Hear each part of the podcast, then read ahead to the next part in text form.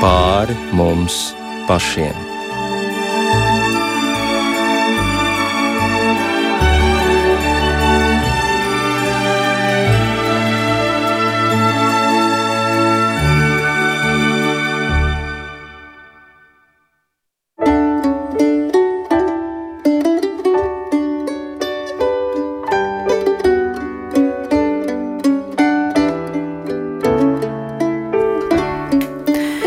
Esiet sveicināti raidījumā pāri mums pašiem, lai ir slavēts Jēzus Kristus. Studijā Inte Zēgnere par skanējumu rūpējas Kristaps Eida, bet mūsu raidījuma viesi šovakar ir filozofijas doktors, Latvijas Universitātes Filozofijas un Socioloģijas institūta pētnieks Māris Kūlis. Labvakar! Labvakar! Un teoloģijas doktors un priesteris no Šveices, Logano Universitātes pasniedzējs Andris Marija Jērumanis. Labvakar! Labvakar! Prieks jūs abus sveikt šeit studijā. Arī jums šī ir pirmā satikšanās klātienē, kā es saprotu, bet par iemeslu šai sarunai kļuva nesen iznākusi Māra Kūļa grāmata, kura nu jau ir izpirkta, tik liela ir bijusi sabiedrības interese, un jums droši vien būs jādomā par atkārtotu izdevumu. Apsveicu! Un e, šīs grāmatas nosaukumā tiek uzdots jautājums Finis Veritatis, Tātad tulkojumā vai patiesības beigas. Par patiesību un meliem arī būs šis raidījums, bet vispirms vaicāšu autoram, kāpēc tieši šāds temats jūs interesēja, kura centrā ir patiesības meklējuma un patiesības izpratne. Tam ir kāds sakars ar laiku, kurā mēs dzīvojam, ar to, cik bieži tiek piesaukti meli, fake un vispār relativisms. Nu, bez šaubām tas ir viens no ierosinājumiem, kas mudināja grāmatu izstrādāt.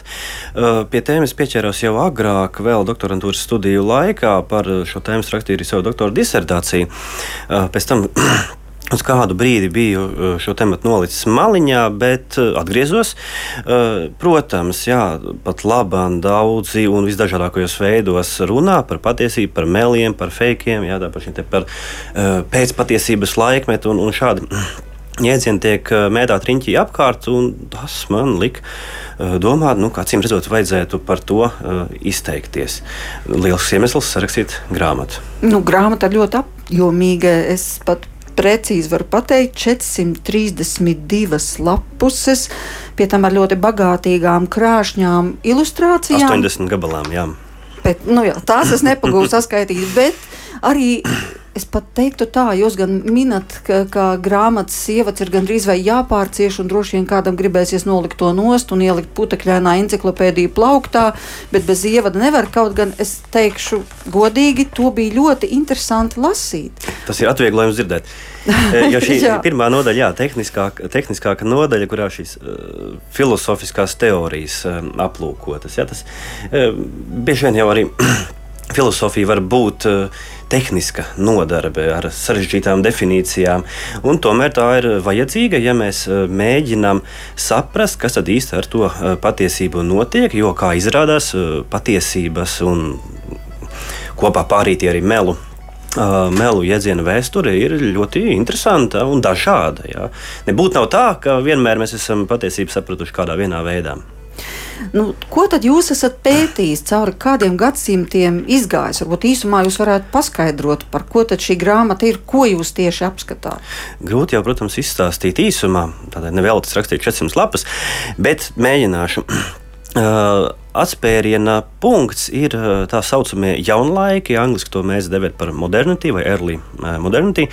Uh, tas ir aptuveni, tā ļoti aptuveni 15, 16, 17 gadsimts, tad mūsdienu mūsdienu zinātnes uh, rašanās. Jā, tā, tā ir, uh, es sāku no tiem laikiem, kuri manā ieskatā vēl joprojām ir aktuāli. Tad, tās patiesības un interpretācijas, kuras šajā laikā radās, vēl ir klātbūtnīgas un ietekmē uh, mūsdienu domāšanu. Jā. Gribu vaicāt arī Andrim Marijam Jerumanim. Uh, Kas jūs piesaistīja šajā grāmatā? Un patiesībā šī ideja, ka mums noteikti vajag satikties studijā un kopā par šo grāmatu runāt, kā arī par patiesību un meliem, tā bija jūsu ideja. Tā tad bija kaut kas, kas jūs īpaši šajā grāmatā uzrunāja. Man uzrunāja laikmets, kurā mēs dzīvojam. Notiek karš Ukrajinā, Mēs visi ļoti labi redzam, ka dažas lietas tiek nodēvētas zināmā veidā. Un, un, ja mēs ņemam patiesību, atbilstību realitātei, tad mēs redzam, ka daži saka lietas, kas neatbilst realitātei. Un jebkura katra karu zinātne ietver sevi arī propagandu un arī melošanas spēja, vai informācija vai dezinformācija. Tas jau bija Otrā pasaules kara laikā, tas notiek arī šodien Ukrainā. Kur karu nesauc par karu, kur noziedzības nav notikušās un tā tālāk, bet mēs visi zinām, ka notiekās. Tagad es nerunāju par vienu pusi vai par otru pusi. Es vienkārši redzu, ka uh, daudz tiek melots, Un, e, tas nozīmē, ka tiek runātas lietas, lietas kas neatbilst uh, lietas būtībai, ja tā definētu patiesību. Un tas izraisa arī jautājumus uh, arī sabiedrības dzīvē. Mēs redzam, ka politiķi melo, kad uh, ir, ir daži, kas saka vienu lietu un pēc tam sludina otru. Tad, tad jautājums ir tāds. Ka es redzu, ka arī politiskie spēki īstenībā izmanto patiesību dažādās uh, nozīmēs. Un tā konkrēti, ja mēs ņemsim ar pēdējā laikā, man uzrunāja prezidenta Levita teiktais, kad viņš runāja par demokrātiju. Zināmā mērā teica to pašu, ko uh, Sokrāts ar sofistiem Un uh, paskaidrojot, ka, ja nav patiesības, tad arī demokrātija sabrūk. tas nozīmē patiesā informācija. To viņš vairāk reizes pasvītroja, un arī šeit uh, kūlas grāmata uz, uz, uz ārpus lapas puses lasu. Uh, grāmata runā par satraucošu tēmu. Sabiedrībā vairojās viltu ziņas, kas ir veicinājušas neusticēšanos gan citam pret citu, gan augstākām vērtībām. Tomēr bez patiesības un pastāvīgas tās meklēšanas neviena sabiedrība nevar dzīvot un attīstīties pilnvērtīgi. Nu, lūk, jā, tas ir prezidents Egils Levits, kas šādi raksturo jūsu grāmatu. Um, taisnība, jā, nu, diena uh, kopš. Uh, 24. februāra ir daudz kas, mm, daudz kas mainījies. Protams, paši Ukrāņi ap citu saka, ka nekas jau nav mainījies. Viņi dzīvo šādos apstākļos jau astoņus gadus. Uh, mums tādā ziņā bijusi priekšrocība. Mēs esam dzīvojuši teikt, vēl nevis karstajā karā, bet augstajā. Uh, augstajā karā. Uh, par karu arī dažreiz saka, ka kara laikā pirmais upuris ir patiesība. Un saprotamu iemeslu dēļ, tieši tāpat kā jūs minējāt, eh, sākas propagandas cīņas.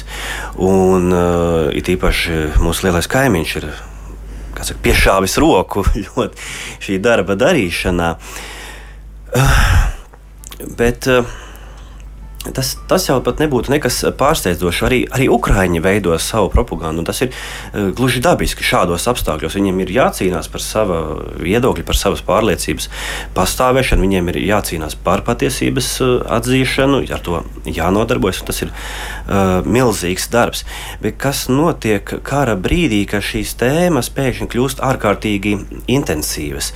Uh, es arī es grāmatas ievadā pieminu, ka lielākoties arī ikdienas situācijās eh, tas pat nav īsti aktuāls temats. Ja? Mēs, mēs eh, domājam, vai, vai šī grāmata stāv uz galda. Nu, tā grāmata stāv uz galda. Patiesība, par patiesību daudz nav jādomā. Viss ir, viss ir vienkārši. Eh, problēmas sākas, kad mēģina pie temata pieiet ar filozofiskās domāšanas dziļumu. Uh, bet arī tagad, uh, sākoties šim uh, karam, jautājuma intensitāte ir ārkārtīgi palielinājusies. Agrāk, vairāk nekā jebkad agrāk, ir jādomā līdzi, jāseko līdzi, jāmēģina saka, izfiltrēt, ja, kas, kas ko saka, kāpēc saka kā, kādiem nolūkiem, un likmes ir visaugstākās. Ja, ja kādā brīdī kā mēs, tad, mēs varam iedomāties tādas ikdienas problēmas, nu kāds kaut ko samelojas, tam nav nekādas liels nozīmes. Nu, kāds būs bēdīgs? Kara laikā tā nevar. Es nezinu, man ienāca prātā tas tā saucamais tauriņa efekts. Ka... Nu, kāds tur būs samelojies, nu, kas par to tam nebūs nekādu seku. Tad man jājautā ir eh, teoloģijas doktoram, vai droši vien jūs arī esat dzirdējis par to tauriņa efektu, ka tas nemaz nav tik vienkārši. Ja viens kaut kur samalojas kaut kādā lietā, un otrs, un tad vēl trešais, un ka patiesībā mums apkārt veidojas tāds melu tīkls, ko mēs varbūt tā reāli neustveram, bet tas mūs garīgi stipri ietekmē. Un varētu sacīt, ka mēs sākam dzīvot saindētā vidē, lai kur tie meli nebūtu, vai tie būtu mēdī, vai tā būtu kāda avīze, vai tie būtu politiķi, vai tie būtu vienalga kas. Jo meliem vairājoties, taču vairojas tas garīgais purvs, kurā nav vairs tīra gaisa. Kad nav? jūs man jautājat, kāpēc šī tēma man interesē, es iesāku uzreiz ar Ukraiņu karu, ja, bet eh, tā tēma ir daudz plašāka. Viņi vienkārši uzspēlda dotajā brīdī. Un, eh, bet mēs visi zinām, ka filozofiskais laikmets tiek te, eh, šodien dēvēts par pēcpatiesības laikmetu. Kāpēc? Tas nozīmē, tas nav pat relativisms, tā ir vienaldzība par patiesību. Un tas ir tas trakākais. Un, un, ja mums ir, tagad es no kā kristietis uh, runāju, ja man ir jāevanģelizē, es jau nevaru evanģelizēt patie, bez patiesības. Tas nozīmē atbilstīt, atbilstība realitātei, arī tai realitātei, ko es domāju. Tā ir patiesība. Tas nozīmē, uh, ja tagad sabiedrība ir vienaldzīga, evanģelizācija nevar notikt jo, jo tā, tas jautājums neinteresē. Tas ir tikai viens jautājums, bet ko nozīmē vispār vienaldzība pret patiesību? Tas attiecas man, tikai... man ne, es vienkārši tas, es neuzstāju to jautājumu. Ja agrā ir vien, viens laikmets, ir tāds, kad es šaubos par patiesību, vai ir vai nav. Viens laikmets, ja es esmu skeptiķis, vai es esmu kā pilāts, kas saka, bet vai ir patiesība. Un viens laikmets ir tāds, ka man vienalga, kad ir patiesība. Man vienalga. Un raksturo šo pēcpatiesības laikmetu, kā patiepā kā laikmi, kur, cilvēkam, kur cilvēks ir vienaldzīgs. Tagad karš ir vienkārši līdzis saprast, ka tas jautājums nav tik vienaldzīgs. Un, un arī vēstures revizionisti, tie, kas, piemēram, teica, ka Auschwitz nekad nav bijuši, jeb tie, kas saka, ka Latvija nav, ka, ka, ka Latvija nav bijusi okupēta. 40. Kā, gadā. Jā, daži to saka, es neminēšu slavenus cilvēkus Latvijā, kas to teica, tas tikai viedoklis ir. E, Piepešs tas parādās, ka tas nemaz tā nav. Un kad mēs nevaram, jautājums mums ir, nu, kuram tad ir taisnība, vai Ukraiņiem vai, vai, vai Krievijai ir taisnība. Un, uh, un, jo, tas, jo tas man liek izvērtēt, kurā pusē man jāstāv. Tas nozīmē, es vairs nevaru uzskatīt, ka, vienal, ka es varu būt vienaldzīgs par patiesību. Tas nozīmē tādā līmenī. Tāpat vienaldzība uh, garīgā nozīmē. Mēs saprotam, ka, ja, uh, ka tas jautājums ir tik svarīgs, ka, mē, ja sāk melot politikā, neviens vairs neusticās otram. Un mēs esam ienākuši neusticības laikmetā. Tas bija redzams tad, kad tu uh, pielieto alternatīvo patiesību. Tas bija uh, Amerikas vēlēšanās redzams, tas ir, redzēts, uh, tas ir redzams arī šeit, Eiropā. Tad, kad politiķi bez kauna tev pasaka pretējo viedokli, un kad rītā saka pretējo, vienu brīdi tu saindē tādu vidi, kad neviens vairs neusticās. Un, ja cilvēks neusticās, tad demokrātija sabrūk. Piemēram, arī Covid jautājums, kas bija, vai ir vai nav, vai tas ir izgudrots. Visas sazvērestības teorijas izdarīja tā, ka cilvēki vairs neusticējās komisijām, ārstu komisijām. Uzticējās vienam ārstam vai vienam minoritātes viedoklim, kas apšaubīja visus. Un drīzāk gribēja ticēt tam viedoklim nekā vairākumam. Es pats esmu ārsts pēc formācijas, un tad es, es, es domāju, kā cilvēki uzticēsies vienam ārstam, kas pasakā, ka Covid tas tikai tā kā gripa, tur nav nekas. Kad, eh, tad, tas nozīmē, tajā brīdī tu saprati, ka arī fake vai, vai jautājums pret, par, par, par, pret, par patiesību arī skāra šo krīzi, kas bija Covid krīze un sabiedrības krīze. Jo tā neusticība kas radās ar Covid, ir saistīta ar šo vienaldzību un arī šito, ar, ar to melu kultūru, kurā mēs esam iegājuši. Un tas nozīmē, ka, ja es vairs neusticos, sabrūk demokrātija, sa, sabrūk arī uh, draudzība. Kā, kā var būt draudzība, ja es neusticos draugam? Uh, arī ņemsim laulības dzīvi. Tas pats baznīcā uh, uh, skandāli un tā rada neusticību.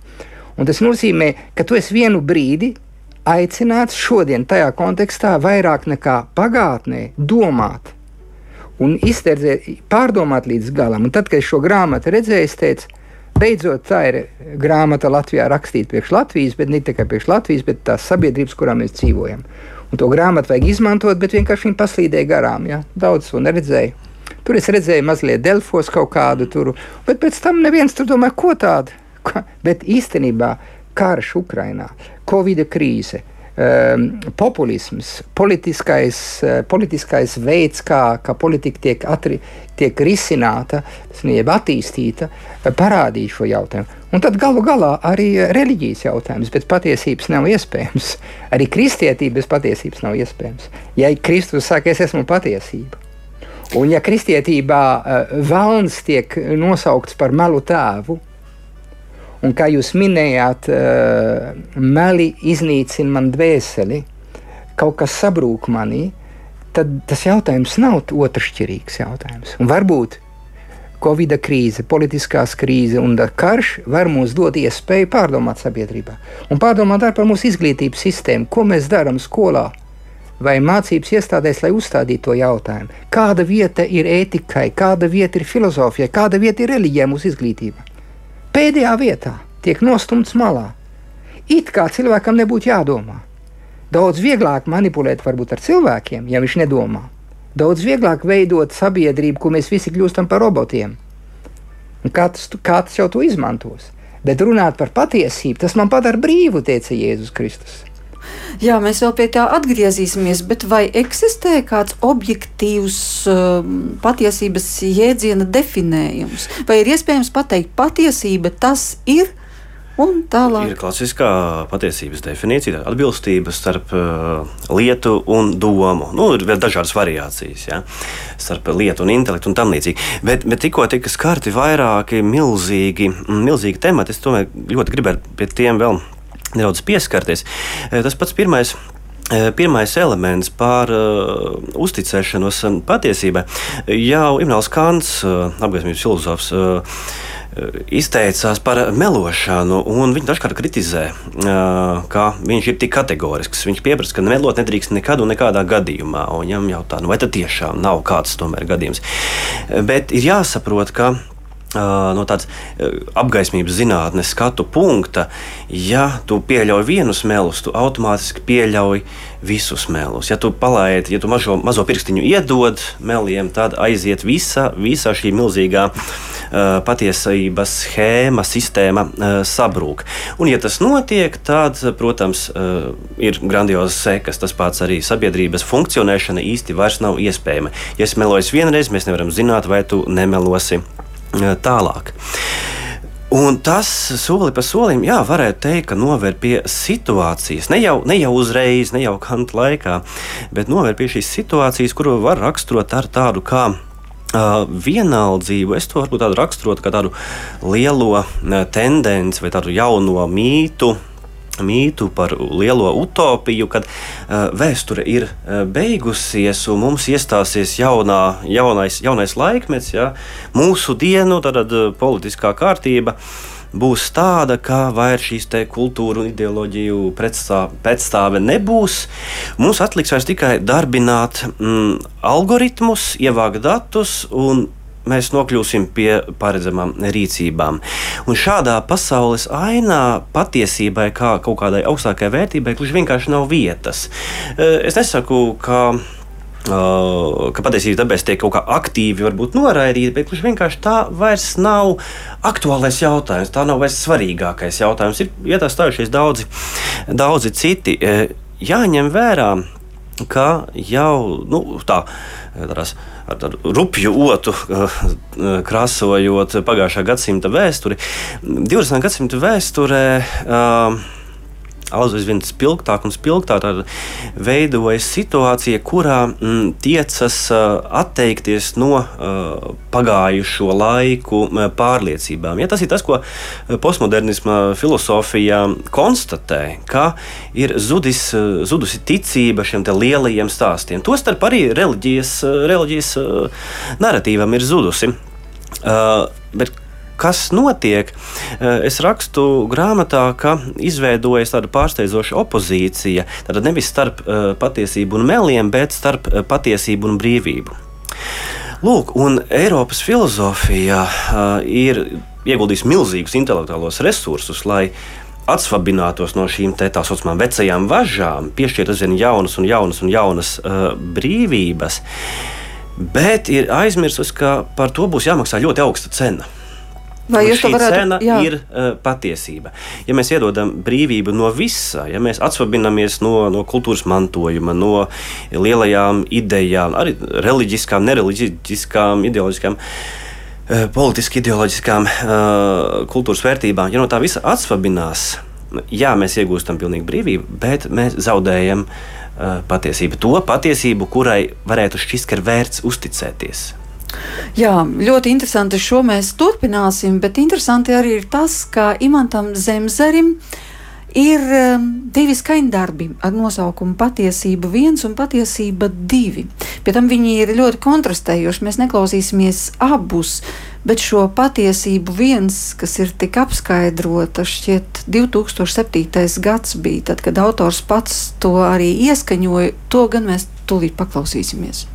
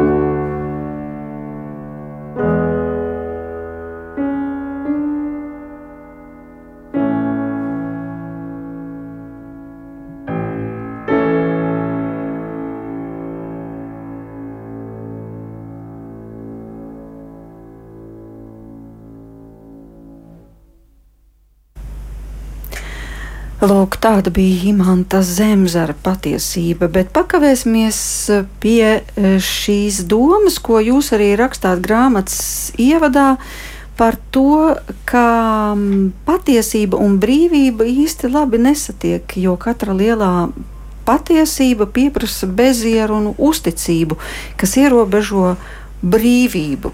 Un šis teikums man radīja diezgan daudz jautājumus, kaut vai Tāpēc, ka Bībelē ir rakstīts, Jēzus ir pateicis, jūs atzīsiet patiesību, un patiesība darīs jūs brīvus. Tad varbūt jūs varētu izskaidrot gan no vienas puses, gan no otras puses, kā tad satiek patiesība ar brīvību. Lūk, tas patiešām ir ļoti liels jautājums, jo mēs skaram šos te, mūsu lielos, lielos jēdzienus. Bet ņemsim vērā kā tad šī jēzus vārdi par brīvību un mūsdienu patērnieciskās sabiedrības izpratne par to, kas ir brīvība, nav gluži viens un tas pats. Jā. Starplaikā mūzikas mēs tieši jau pieskārāmies arī tēmam par, par, par brīvību. Var atgriezties pie klasiskās, klasiskās sengrieķu brīvības izpratnes, kas brīvību saprot kā brīvību no netikumiem. Jā. Nevis vienkārši visatļautību un, un šo netikumu kultivēšanu ievērošana. Nu, varbūt es nedaudz pārspīlēju. Tā ir brīvība pret, pretstatā verdzībai. Jā. Tātad savu, savu netikumu verdzībā jā, būšana. Uh, patiesība, lūk, ir jāsaprot, ka patiesībai šeit klasiskā nozīmē, kaut vai, kaut vai ja mēs pieturamies pie tā saucamās atbilstības, jeb korespondences teorijas, tā ir sekas. To ir jāsaprot. Ja, ja mēs kaut ko konstatējam, ka kaut kas A ir B, un tas tā patiešām ir, tad no tā būtu jāizriet kaut kādai rīcībai, nu, vai arī rīcības trūkumam. Tas vienalga. Bet tam ir sekas savukārt, ja mēs izdomājam, ja, ka mūsu mirkļa iespējas arī varētu tikt dēvēts par uh, patiesību, uh, sekas ir, protams, mazākas. Um, es uh, lietoju tādu apzīmējumu, kā patiesības inflācija. Jā, tas ir ekonomikas jā. termins. Jā, gan, jā. bet ļoti precīzi. Bet, bet tā doma ir gaužām vienkārša. Ja uh, filozofija skaidro un, un iestāsta un pieļauj, ka uh, katram var būt sava uh, patiesība. Ja patiesība ir vienkārši tāds mirkļa zipsnis šodien, šeit, konkrētā kontekstā, laikā un telpā, uh, tad šādai patiesībai vērtība zūd. Un jo atraukt, atrautāka šī patiesība kļūst, jo tā kļūst bezvērtīgāka. Un tāpēc es var, domāju, ka var runāt pat par tādu kā uh, patiesības hiperinflācijas laikmetu, jā, kad aizvien vairāk un vairāk mēs mm, attālinamies no tās klasiskās, eh, klasiskās patiesības izpratnes. Ja? Un, protams, ir jāatzīst, ka tam ir, nu kā, tam ir savi plusi un savi mīnusi. To mēs nevaram, nevaram noliegt. Nu kā, nu, uh, ekonomiskā izaugsme 20. gadsimtā ir milzīga salīdzinoši. Ja? Dažādu sabiedrības grupu brīvības. Ja? Atkal mēs varbūt nedaudz jauksimies ar, ar, ar, ar jēdzieniem, ja? bet eh, sabiedrības grupu brīvības darīt, ko viņi grib, jā, tas ir paplašinājies. Bet kā jau minēju, par to ir jāmaksā cena. Un, uh, man liekas, ka arvien vairāk un skaidrāk šobrīd, jau 21. gadsimtā, mēs ieraugam to dārgo cenu. Mēs nonākam situācijā, kad uh, piemēram uh, Kremļa ideologs, laikam jau, nu, jau tā kā bijušais ideologs Dugins, kas tikko medijos par viņu bija ziņas. Jā, viņu, bet, bet viņš vienu brīdi bija cienīts. Viņš intervijā skaidri un gaiši stāsta. Viņš nesaka, ka tā ir ka viņš pārstāv postmoderno filozofiju, bet, bet no visa, ko viņš saka, tieši tā arī izriet. Ja? Viņš saka, ka mūsu Krievijas imperiālisms mums ir patiesība, un mums tas būs patiesība, un mums ir pilnīgi vienalga par jūsu patiesībām. Kā mans kolēģis institūtā reiz teica, Krievija ir pati postmodernākā valsts pasaulē. Ja? Lai, gan, lai gan uz papīra stāsta, ka aizstāv tradicionālās vērtības. Ja?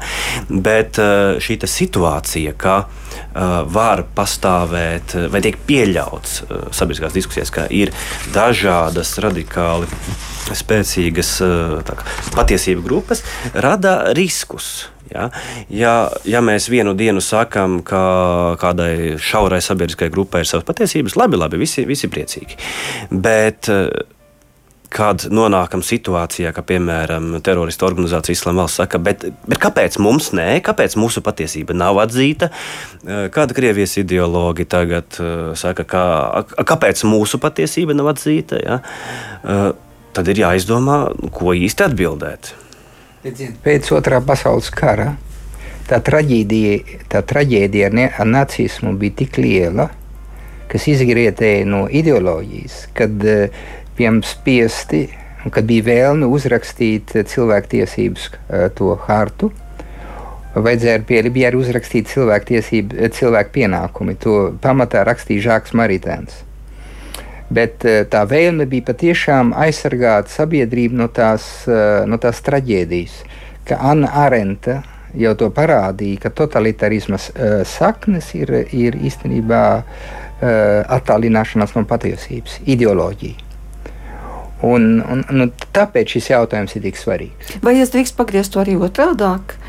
Kā jūs sacījāt, totalitārisma saknes tā tad izriet no tā attālināšanās no patiesības. Jā. Tas nozīmē, ka nu, mēs dzīvojam postpatiesības laikmetā, kā es saprotu, ir tāds definējums. Tas nozīmē, ka patiesībā ir tā, ka pastāv risks, ka mēs tuvojamies kaut kādam totalitārismam. Jo vairāk patiesība zaudē vērtību, jo tas viss sazdrumstalojās tādās mazās, katra individuālajās patiesībās, kā pazūd nu, šis kopsaucējs. Tas nozīmē, ka tas ir bīstams ceļš, kas tā vai citādi ved pie ne, viena vai pie otra totalitārisma. Ne? Jāzeps, Jozefs Racingers, nākošais pāvests, un Benedikts 16. kādreiz runāja par relativisma diktatūru. Tas nozīmē, ka kad, uh, tu nedrīkst nedomāt relatīvi. Tik katrs cilvēks, kas apgalvo, ka ir patiesība, viņš to nedrīkst domāt. Un, un tas nozīmē, ka viss ir relatīvs. Un, ja tu pasaki, ka ir viena patiesība, tu jau esi uh, izslēgts. Mm -hmm. Un, un, un tas arī bīstami. Tas nozīmē, un, un, un tas nozīmē, ka tu nedrīkst apgalvot neko. Bet tas ir ārkārtīgi bīstami, jo tad tu nedrīkst apgalvot, ka bijis fašisms, tu nedrīkst atbalstīt, nedrīkst uh, runāt par tā, ka daži vēstures revizionisti, kas pārrakstīja vēsturi, uzskatīja, ka Aušvica nekad nav bijusi. Un, un viens no tiem vēsturniekiem Austrijā tika notiesāts, jo, jo tas neatbilst realitātei. Tagad, ja mēs, ko, ko es gribu pateikt ar to, ka ja man aizliedz relativisma vārdā uh, runāt par, un, un, un, un faktiski uh, apgalvot kaut ko, tad tā arī ir diktatūra. Un tas arī bīstami. Jautājums ir tāds, kā dzīvot uh, plurālā sabiedrībā, kurā mēs dzīvojam. Un tad šeit man nāk prātā gan Gandijs, gan Jēzus. Uh, viņi abi to pašu saka. Gandijs saka, ka ej kopā ar cilvēku, kas domā citādāk, bet meklē patiesību. Tas ir viens ceļš. Otrais ceļš ir tas, ko Jēzus dara Emausa mācekļiem. Viņš viņiem neuzspiež, bet viņš viņiem palīdz saprast. Un viņš nonāk dialogā, tāpat kā Sokrāts ar sofistiem. Viņš praktizē to majotiku. Viņš ir pārliecināts, ka tev, kuram ir tā patiesības apziņa, tev jāuzstāda jautājumu, lai tas otrais cilvēks pats dod atbildi. Un tad viņam uzstāda nākošo. Tas nozīmē, tu audzini otru cilvēku un tu viņam parādi. Jo tu nevari šodien, mēs dzīvojam tādā laikmetā, kur, kur cilvēks nespēja vairs redzēt. Tad, tad man viņam jāparāda, kādi ir tie soļi, bet viņam pašam šodien, tāpēc ka mēs tā cienām to subjektu un to personīgo brīvību, ka man ir viņu jāpieved pašu pie tās apziņas. Un es domāju, ka tas daudz grūtāk ir nekā agrāk. Šodien neviens netic vairs autoritātes argumentam, bet man ir jāpalīdz otram cilvēkam atrast to patiesību. Un varbūt šodien mums ir jāaudzina cilvēkus. Un, un tas, kurš, kurš uh, uzskata, ka viņš redz, viņam ir jāpalīdz tam otram redzēt. Iecietīgi, toleranti, uh, ejot kopā ar viņu, tāpat kā Jēzus to darīja ar Emaus mācekļiem. Jā, par patiesību un brīvību. Tas tomēr ir ļoti interesanti. Gan tas apgalvojums, ko sacīja Jēzus Pilātam, es neesmu nācis, lai pasludinātu patiesību, un viņš retoriski vajadzāk, nu, kas tad ir vispār patiesība. Ja? Tas gan ir tāds mūsdienu cilvēku prototyps. No otras puses, nāk prātā arī vārdi, ka viņš teica, es esmu ceļš, patiesība un dzīvība. Jā, jā. Viņš ļoti konkrēti pasaka, jā. vienkārši pataisno. Bet tad ir vēl viens aspekts, kas attiecas uz patiesību un brīvību. Un te man nāk prātā Bīskaps Boļislavs Sloskāns, kurš tika mocīts 17 Krievijas cietumos un vispār brīnumainā kārtā izdzīvoja. Bet eh, viņam bija iekšējā brīvība netiesāt un neienīst nevienu savu pārdarītāju. Un ka tas cietums sargs vienkārši redzot, ka bīskaps tur kamerā smaida, viņam jautāja, par ko tu smaidi? Tad viņš teica, tāpēc, ka es esmu brīvs, bet jūs tāds nesat. Un ir vēl jādomā par to, kāpēc komunistiskā vara tik ļoti apkaroja baznīcu. Vai nav tā, ka tas ir tieši tāpēc, baznīcu, kristietību, tempļus, tur nevis tempļus, baznīcas dedzināja un, un sūtīja uz Sibīriju un nogalināja. Nu, kas viss notika, tas ir zināms.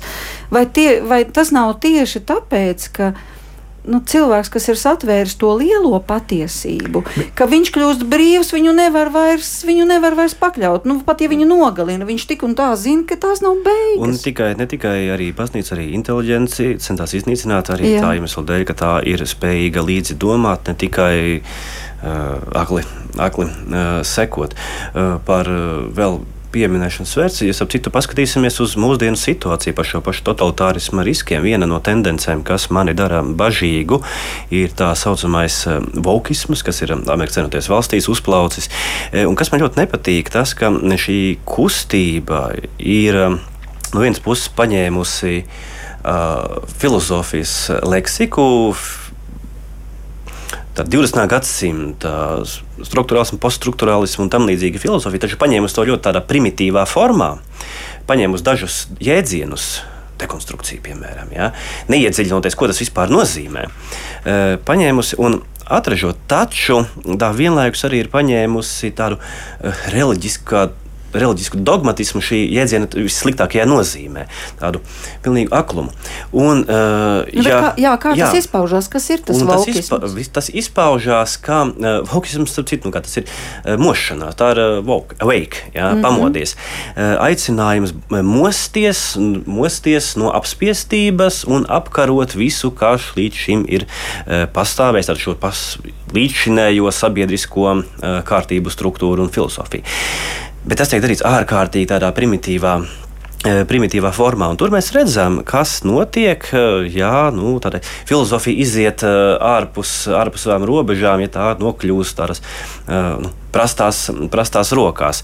Un tam var būt nelāgas sekas. Es domāju, ka nu, nu jau ir tik daudz piemēru izskanējuši medijos par to, kā Amerikā ir, ir problēmas, represijas pret pasniedzējiem, kuri nu, neko tik briesmīgi jau nemaz nesaka. Ja. Bet kāpēc represijas? Nu, Tāpēc, ka viņi pateikšu kaut ko aizvainojošu kādam. Kas varbūt pirms desmit gadiem nevienam nebūtu prātā nācis, ka tas varētu būt aizvainojoši. Tad mēs redzam šo te, uh, brīvības vārdā radikāli haotisku un, un, un, un, un, un apkarošanu. Uh, bet ko tā vietā darīt? Kas ir interesanti, uh, ko darīt? Ka, uh, no vienas puses eh, šī kustība cīnās par brīvību, jā, tad visus atbrīvot, bet tāpat laikā maksimāli ierobežot, lai nevienam nebūtu nepatīkami. Jā. Beigās sanāk tāda milzīga, milzīga pašierobežojoša kārtība, kas arī nešķiet īsti, īsti adekvāti. Jā. No atsacīšanās, atsacīšanās skatīties jebkādai patiesībai acīs. Un tas ir ļoti bīstami tiešām, kā mēs jau sākumā runājām, sabiedrības funkcionēšanai ir vajadzīgs vienkārši elementārs godīgums pret sevi. Un, uh, To ievērot, nu, tas arī būtu kaut vai labs sākums. Necerēsim, ka tagad, šodien mēs izdomāsim kādu maģisko formulu jā, ar burbuļu nūjiņu, kura ļaus, uh, ļaus lietas sakārtot. Uh, bet, nu, piemēram, godīgums, jā, tas arī būtu labs sākums. Jā, nu, jums tur ir vesela nodaļa, kas attiecas arī uz mēdījiem un uz žurnālistu darbu un ar, kā žurnālista ētikas pamatprincipiem un cik lielā mērā žurnālists analizē vai vienkārši pasniedz faktus. To visu ir vērts arī mums, katram žurnālistam, protams, izlasīt. Tur arī ir par reklāmu, par šiem kā jūs rakstāt, pieņemamajiem meliem. Mm. Ka mēs tā kā zinām, ka reklāma mums melo, bet mēs samierināmies, ka tāda jau ir reklāmas funkcija, vai tā tas sanāk? Tā tas sanāk, vai ne? Tas man liekas, tāds reklāmas šķiet ārkārtīgi spilgts, teikt, tāds intensīvs piemērs, kas, kas, kas krāšņi ilustrē pastāvošo, mm, pastāvošo stāvokli. Es lietoju tādu apzīmējumu reklāmu domāšanu. Tātad domāšanas maniere. Ikdienas, ikdienas attieksmē, ja, uh, kurā nu, priekšplānā tāds plakātiskums, plakātisms, vienkārši saukļi. Es domāju, to var mēģināt paskaidrot caur, caur dialoga jēdzienu. Bieži vien tiek runāts par to, ka mums būs diskusijas, mums būs dialogs, un šie jēdzieni izskan. Bet man šķiet, ka bieži vien īstenībā tā nav. Dialogi ir tādas monologu sērijas, jā, ka, ka nav nekādas satiksmes.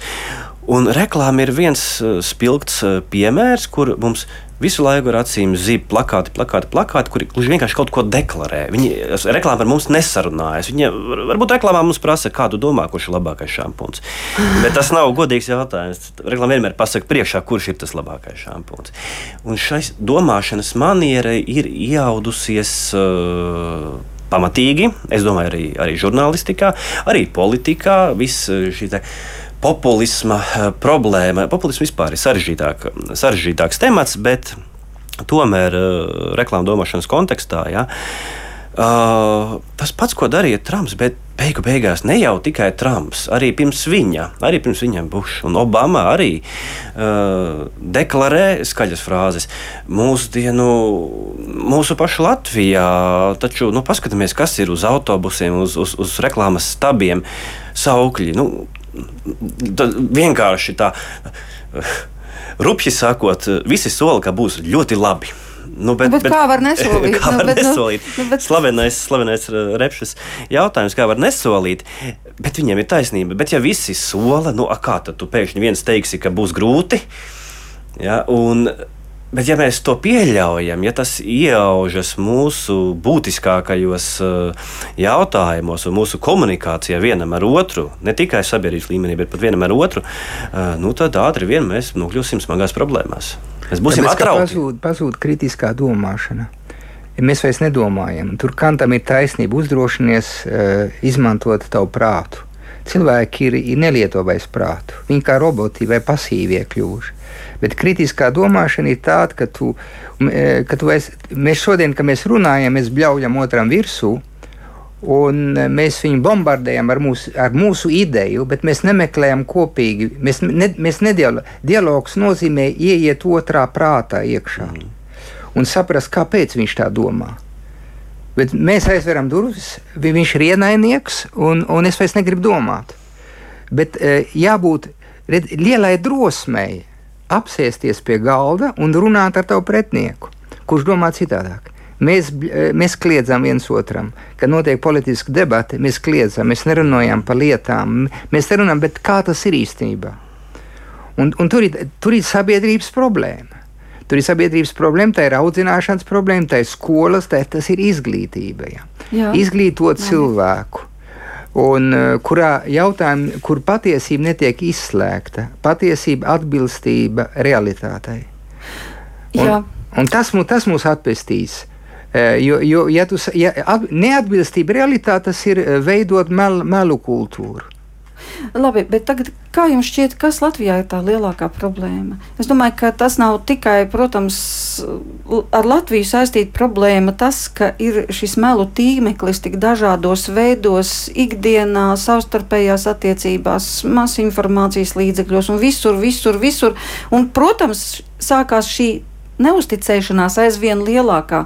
Un tad tā uzreiz divi jautājumi, ko tas nodara cilvēkam, ja viņš dzīvo šādā neusticības gaisotnē, ka viņš vairs nesaprot, kam vispār var uzticēties.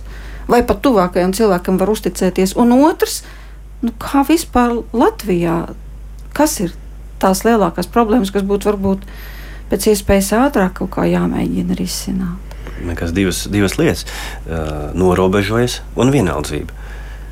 Tas ir tas, kas tas, ir kas, problēma. Kas ir problēma. Tas ir tas um, sekas, un pie tā mēs arī varam uh, nokļūt. Ap citu, uh, tas tāds. Uh, pie, pilsētu, pil, urbānās dzīves uh, fenomens, par ko filozofija jau kādu laiku runāja. Tad cilvēki noslēgušies savos mājokļos, ja, bet tas, tā, to var pārcelt arī kā metaforu. Ja. Mēs esam noslēgušies savos Eh, sociālajos burbulīšos, savā dzīvoklī, bet arī savā informatīvajā telpiņā iekšā vieni paši.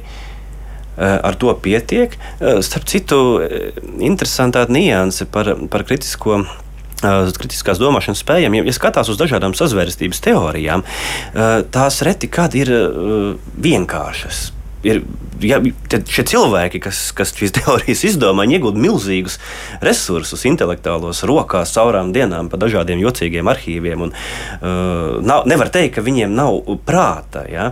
bet viņi ir kaut kur apmaldījušies kaut kādā šaurā, noslēgtā, noslēgtā vidē, un pat vēl viena lieta, viņi ir iekļuvuši tādā kā uh, neadekvātā pašpārliecinātībā ka viņi eh, zinās, ka viņiem pietiks ar šo vienu mazo kaut kādu šauro uh, patiesības čautni, uh, bet ar to nepietiks gan. Jā, un ja runājam par to patiesību, ko sacīja Jēzus, es esmu ceļš, patiesība un dzīvība, tad Ko var iesākt ar šo lielo patiesību? Mēs varam sadrumstaloties daudzās matā, mazās patiesībās, katrā dzīvoklī sava patiesība, un tu neuzmācies man ar savu, bet tomēr ir kaut kādas neapstrīdamas patiesības. Nu, piemēram, ka ir dzīvība un ir nāve. Un ka reiz šajā pasaulē cilvēka eksistence beidzas. Nu, tas ir neapstrīdami, lai ko tu savā prātā neizgudrotu. Tā tas ir. Nu, tā, tā, tā ir patiesība, par kuru mēs varam vienoties. Pēc tam sāla, tālāk seko interpretācijas. A, varbūt pēc tam nekā nav. Labi, bet ir pierādījumi, ka ir. Jo ir klīniskās nāves pētījumi, ir kas ir atgriezušies. Tepat Latvijā ir daudz liecības. Lūk, tālāk. Tā tad ar to viss nebeidzās. Tad ir jautājums, vai tomēr man būtu jāizvērtē, vai ir vērts pašķirstīt svētos rakstus, paskatīties, kas tu tur ir rakstīts par to, kas būs pēc tam, bet varbūt ir vērts man pameklēt patiesību par sevi. Cik lielā mērā es sevi pazīstu, kas man atklās patiesību par sevi. Varbūt ir vērts jautāt Dievam, kāds es esmu. Un tur ir tik daudz šo lielo jautājumu, par kuriem tad arī Jēzus ir teicis. Es esmu tā patiesība, meklējiet mani. Augustīna saka, ka eh, tā patiesība ir mīlestība. Un ka mīlestība ir tā, kas tev atbrīvo. Un, eh, un par to ir vērts padomāt. Jo, jo, vai, vai kurš no mums var dzīvot bez mīlestības? Tas ir viens jautājums. Bet daudz spiesti dzīvot bez mīlestības. Jā, bet visi, visi vēl, visiem visdziļākā vēlme ir mī, būt mīlētam un mīlēt. Tas sākās ar mazo bērnu, un tas turpina. Vai tiešām mīlestība nav tā būtiskā patiesība, uz kura viss ir celts? Svētos rakstos tas ir tā pamatvērtība. Un kristietībā pati, aiz patiesības tā nav abstraktā patiesība. Tā ir mīlestības patiesība, kura, ie, kura iegūst vaipstus Kristū. Un caur Kristu es pirmo reizi atklāju, cik tālu tā mīlestība iet. Un kā mīlestība ir tā, kas man padara brīvi. Mīli un esi brīvs, teica Augustīns. Un katru reizi, kad es attālinājos no mīlestības, es vairs neesmu spējīgs. Sloskāns spēja mīlēt savus ienaidniekus tāpēc, ka viņš bija brīvs. Un tā mīlestība viņu padarīja brīvu. Un šajā kara loģikā vai melu loģikā, ja es izietu no mīlestības, vai es, vai, vai es darītu to, kas notiek tagad. Tas nozīmē, ja es sāku, ja es sāku mīlēt, tad es uzticos otram, tad es piedodu. Un, un varbūt no tā ir, mums ir vajadzīga mīlestības attīstība sabiedrībā. Un nav jāizslēdz uh, mīlestība no, no, no, no izglītības no, un, un, un meklēt to mīlestības dziļumu var apvienot kristietība. Apvieno to, kādreiz ir atziņas, saka, apvieno logosu, prātu, ticību un mīlestību. Un tas ir tas, kas deva spēku kristietībai uzplaukt. Jo bija logos, ja, bija Grieķija, tad bija ticība, kas bija Izrēlē. Un tā nāca kristietība, kas apvienoja gan tā, tā, tā ir mīlestības logos, un tā ir mīlestības ticība. Nu, vērts padomāt par to. Tā ir tāda ideja, par kur var diskutēt. Ja tā ir ļoti spēcīga, ļoti spēcīgi vārdi, uh, un, un nevelti kristīgā reliģija ir ieguldījusi milzīgus arī uh, resursus, domāšanas resursus, lai par šīm uh, tēmām uh, runāt. Interesanti, ka es domāju, ka var arī piekrist Nīčes uh, pārdomām par to, ka viena no kristietības kā problēmām ir bijusi tā, ka tā ir pārfilozofējusies vienā brīdī tik tālu, ka patiesība ir kļuvusi, zaudējusi savu mistisko pievilcību un kļuvusi par kaut kādu abstraktu jēdzienu. Ja? Ja. Tāds varētu būt. Es saprotu par lielo, par lielo patiesību meklēšanām. Jūs minējāt, nu, piemēram, piemēram nāvi. Es saprotu, teikt, ka padomāsim vēlreiz, vai tiešām mūsdienu sabiedrībā tā tas ir. Es man liekas, Covid sakarā es biju uzrakstījis rakstu par Covid. Man šķita, ka Covid tas iespējas un, un, un, un tas pārsteigums bija tāds, ka, ka pēkšņi.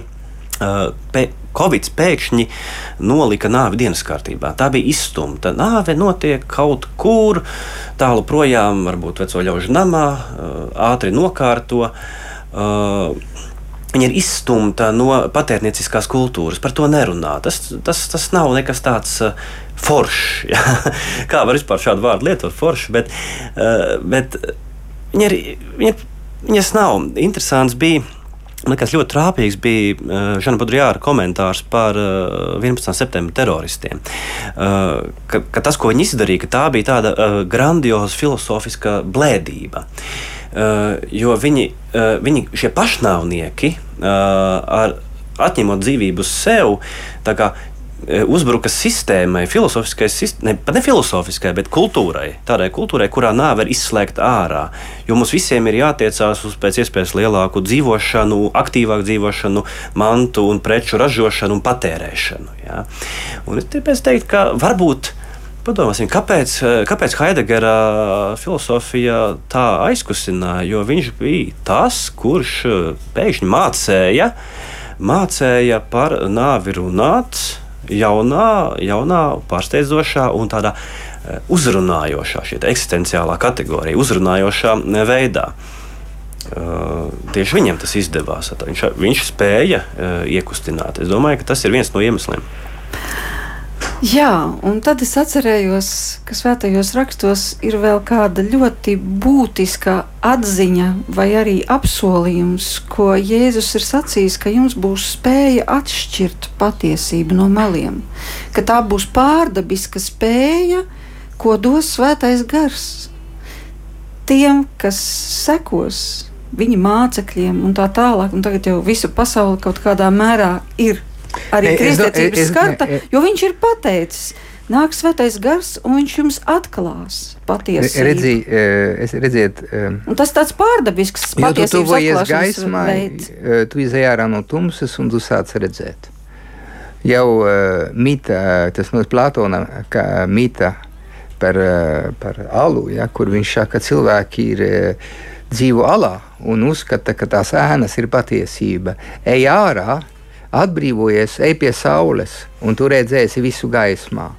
Un īstenībā Kristus ir tā simbolika, ka kristieši to paņem. Es esmu, Kristus saka, es esmu tā saule, es esmu tā gaisma. Un kāpēc, nu, piemēram, man baznīca Šveicē, viņi ir uzbūvēti uz, uz saules tempļa, ja? jo, jo vajadzēja parādīt, e, tie sliekšņi nāk no saules tempļa. Vajadzēja parādīt, tas kults, kas bija valdīja visā e, rietumē Eiropā, kas bija saules kults, vajadzēja parādīt, ka Kristus ir īstā saule. Un ka tā saule at, Un tagad gribētu to saistīt ar patiesību. Patiesība grieķiski ir alitēja, un tas ir atklāt. At, at, tas nozīmē parādīt. Un parādās tikai tīrā gaismā, un ne jau naktī. Un tad kristietība izmanto to gaismu, jo, ir, jo tu tuvojies tai gaismai, jo tu redzi, tu redzi arī tavu grēku, Jo tā arī svētos rakstos rakstīts, ka tā patiesības gars atklās tavu grēku. Viņš atklāja tās tumsas, kas ir tev. Patiesība par sevi. Jā, patiesība par tevi, par pasauli, un tu sāc saprast. Un es domāju, ka tas ir process tad tā, tu patiesību tu atklāji pakāpeniski. Jo Tātad, tu tuvojies jo, gaismā. Jo tu tuvāk esi gaismā, jo vairāk tu saproti, un vairāk tu redzi. Tā ir mīlestības gaisma, saka Augustīns, jo es vairāk mīlu, jo es vairāk saprotu, ka man ir jāpiedod, ka man jādod savu dzīvību, ka man es nedrīkst melot, ka man jāuzticās un tā tālāk. Tas, tas ir e, ticība, prāts un mīlestība, tā ir vienreizēja kombinācija. Jā, ar šiem vārdiem mums arī jānoslēdz raidījums, jo nu jau ir 22,58 minūtes. Bet liels paldies par šo tikšanos studijā. Es saku filozofijas doktoram Mārim Kūlim, šīs grāmatas Finis Veritatis autoram un teoloģijas doktoram Priestrim Andrim Marijai Jarumanim. Kopā ar jums bija Inte Zēgnere, par skanējumu rūpējas Kristaps Seida, un mēs noteikti vēl šo sarunu turpināsim.